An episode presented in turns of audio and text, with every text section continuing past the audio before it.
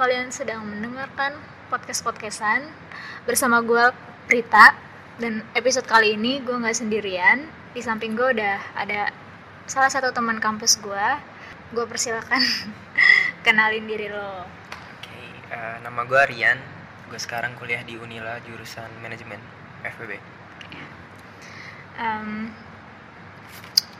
di sini gue sama Rian bakal mengulik kehidupan di kampus gimana sih. Eh, tapi ini dari pengalamannya Rian. Oke. Gimana tuh? Gue mau nanya deh kesibukan lo akhir-akhir ini apa? Eh, Ya. lagi Kan aktif ini. di Kopma. Kalau kuliah ya kuliah setiap hari. Sabtu sama Minggu libur. Terus organisasi sekarang lagi aktif di Kopma, lagi mau ada kegiatan. Jadi ya gitu. Selain Kopma apa? Selain UKM Kopma. yang lo ikutin? gue ikut English Club. Fakultas tapi Iya, tingkat fakultas IEC, Economic English Club. Terus ikut organisasi eksternal juga ikut. Namanya Oh. namanya Lambung Cerdas. Lambung Cerdas itu organisasi yang bergerak di bidang sosial, pendidikan, dan lain-lain. Katanya mau mau ada acara. Iya, mau ada acara juga sekitar bulan Oktober. Acaranya acaranya untuk anak-anak SMA sih. Hmm. Gitu. Jadi kita kayak volunteer gitu lah. Apa namanya? Acara apa? Nama acara nama acaranya Education Fair 2019. Jadi di acara. situ ngebahas apa dalam situ kira-kira? yang pasti pertama latihan soal atau kita bisa sebut tryout. Oh, Ya ada kan? tryoutnya. Heeh, jadi kayak tryout masuk kampus itu gimana SBMPTN kan atau Hmm. UTBK. Jadi mereka yang kelas 12 bakal ngerasain tuh gimana ngerjain soal-soal SBMPTN untuk kuliah gitu. Jadi buat prepare ke mereka. ya. Mm, itu tryout. Terus setelah tryout kita juga bakal eh, kayak seminar gitu sih. Sosialisasi kita jelasin tentang kuliah, tentang beasiswa yang ada gitu. Gitu-gitu. Itu education fair. Berarti informatif banget ya acaranya. Hmm, banget. Kapan Dan- itu Oktober? Oktober. Tanggal Tanggal 20 Oktober. 20. Mm-mm. Sekarang tanggal berapa sih? Masih lama. Ini tanggal 21 kalau nggak salah. Masih lama ya? Iya, masih lama. Masih lama. Bisa beli tiketnya di Rian. Oh, bisa bisa. Bagi kalian yang punya teman-teman atau adik kelas 12 mau kuliah atau bahkan kelas 11 10 boleh. PC Prita dulu. Atau Iya. PC gue langsung. Nanti gue kasih ya akun Instagram gue di description. Kalian bisa DM buat minta nomor Rian. Udah selain itu nggak ada lagi, cuma tiga organisasi yang lo ikutin. Apa ya? Ada lagi. Bukan organisasi sih. Ada kegiatan di FWB itu sekarang ada yang namanya FWB Mart kayak eh, Indomartnya lah Indomartnya FWB gitu. Oke, dan gue sekarang eh, ikut ngurusin juga di situ. Baru? Baru baru Senin kemarin buka Eh, bagi kalian yang anak Unila FEB. khusus FWB boleh belanja di sini. Ada snack ada minuman Walaupun belum gitu lengkap ya. ya. Proses sih Setelah gue berbincang perihal kesibukan lo, berarti lo orangnya ini dong, pinter manage waktu. Eh, oke waktu ya manajemen waktu. Kalau yang gue rasain sih ya oke gue ikut banyak ya. Tapi gimana gue cara ngaturnya? Kayaknya kalau gue sih nggak spesifik amat kayak gue jalan-jalanin aja gitu. Hmm, Tapi- gitu aja. tapi ya kurang-kurangin waktu yang nggak produktifnya itu yang di- harus dikurangin sih. Kadang orang eh, alasan gue nggak ada waktu gue sibuk ini sibuk ini. Padahal kalau kita koreksi diri sendiri coba 24 jam itu masih ada nggak sih kita ngerjain-ngerjain hal yang nggak produktif? Kayak game atau apa pun itu. Main itu kan bisa ah, iya Kayak nongkrong atau apa tah itu kan bisa diganti gitu dengan hal yang produktif. Kayak gue gue dulu tuh sering banget main game PUBG. Ya. ya gue sekarang udah gak main lagi Terus dan- lo main hangout hangout sama temen sekedar Nah, nongkrong doang nah gitu. itu itu mulai gue kurangin sih. Jadi eh, ya gue mikir main PUBG sejam dua jam bisa gue ganti dengan tugas kuliah Iya. misalkan. Jadi kan organisasinya tetap jalan nggak perlu ganggu tugas kuliah kayak itu sih. Jadi manajemen waktu itu sebenarnya nggak ada. Cuma pandai eh, bukan pandai maksudnya bisa memilah, memilah ya heeh, nggak penting. ngurutin prioritas Oke. gitu Pernah gak sih lu keteteran gitu? Kayak, aduh, oh iya tugas gue lupa gue kerjain pada deadline-nya besok Eh, misalkan. iya pernah pasti kalau keteteran gitu biasanya ya yang gue lakuin tuh ya ngurangin jam tidur sih biasanya Oh, iyalah kan itu kebiasaan mahasiswa banget. oh iya gue juga gue gue juga ngajar. Oh iya iya iya. lo ngajar ngajar apa tuh? gue juga ngajar anak-anak SMK gitu. Heeh. Eh, spesifiknya akuntansi. Karena gue dulu SMK akuntansi gue sekarang ngajar di orangnya. Jadi eh, kayak les privat gitu. Gue datang ke rumah mereka. Nah, malam sih. Nah gitu kan. Jadi gue ngajar kayak dari jam setengah tujuh ya. Kadang pulang jam 9 setengah sepuluh baru habis itu nugas. Ya berarti kan jam tidur gue yang gue kurangin kan gitu. Super sekali.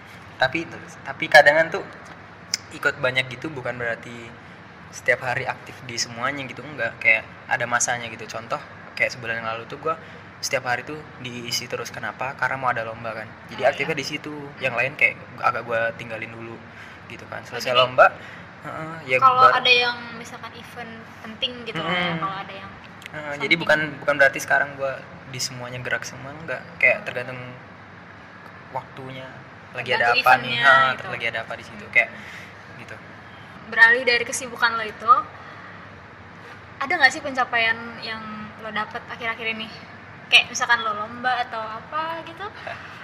Eh, kalau pencapaian tuh biasanya identik dengan kayak prestasi ya, atau Iya.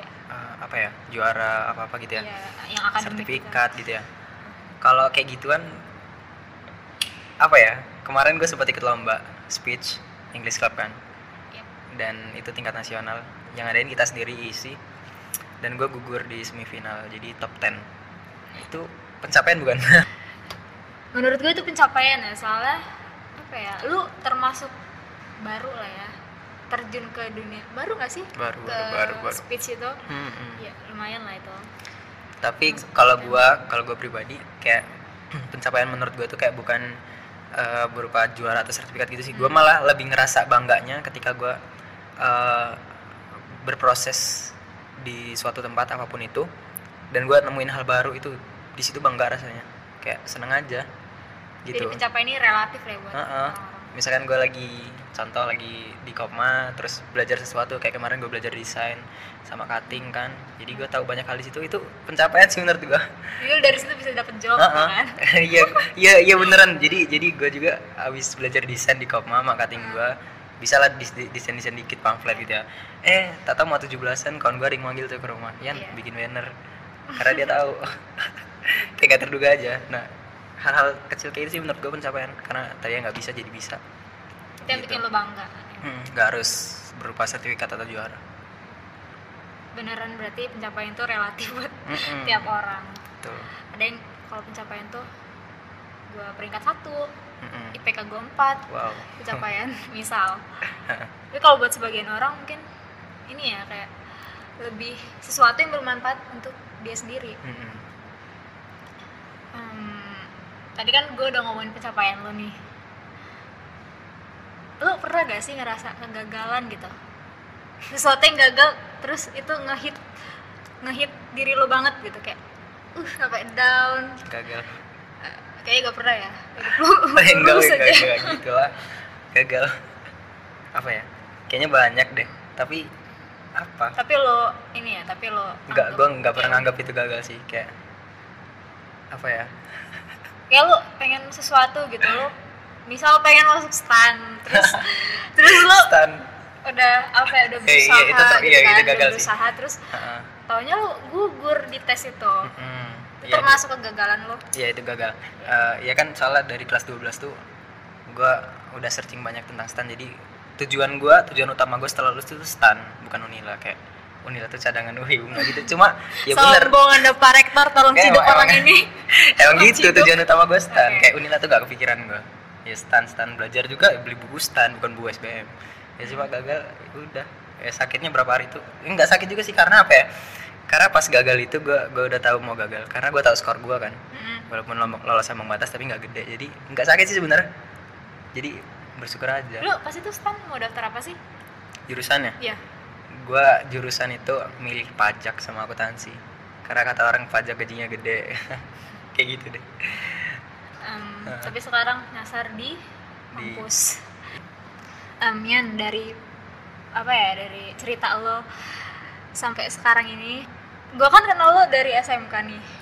Gue tahu lo orangnya dulu tuh ya ampun. Iya iya. Kelas 10 kayak Yes. diem banget.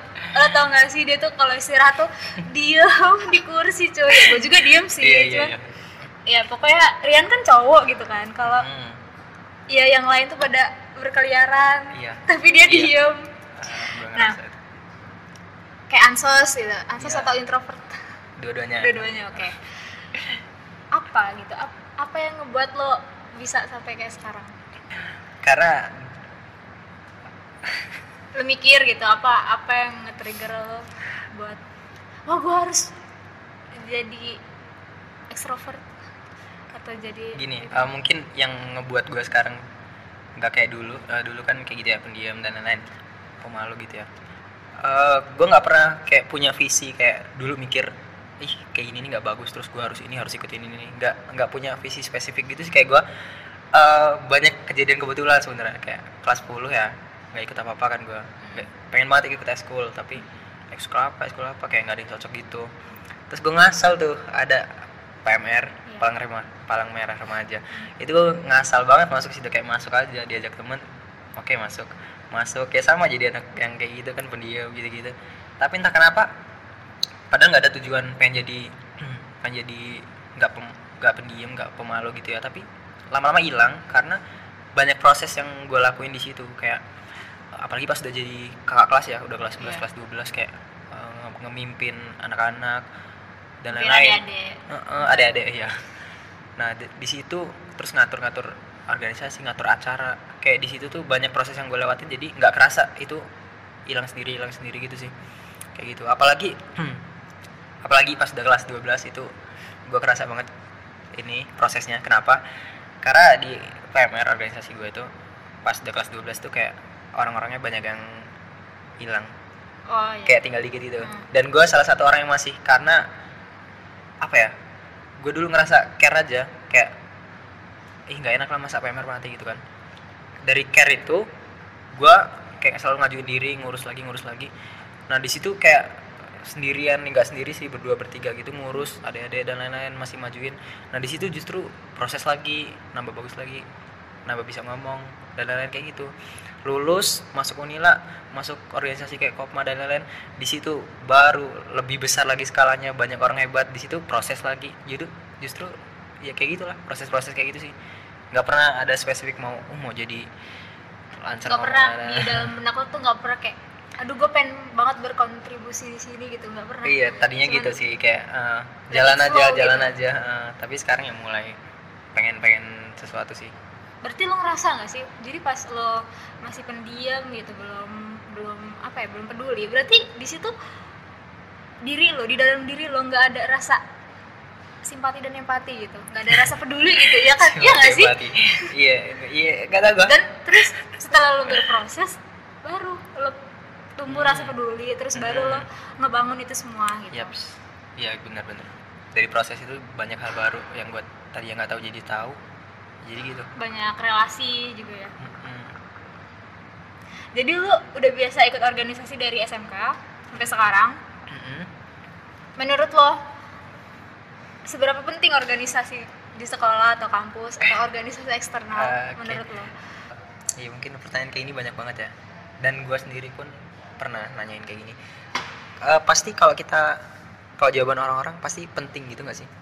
Penting. terutama orang-orang yang organisasi Iya pasti jawabnya penting Tapi kayaknya orang-orang kupu-kupu juga bakal jawab penting tapi dia mager gitu biasanya. Hmm.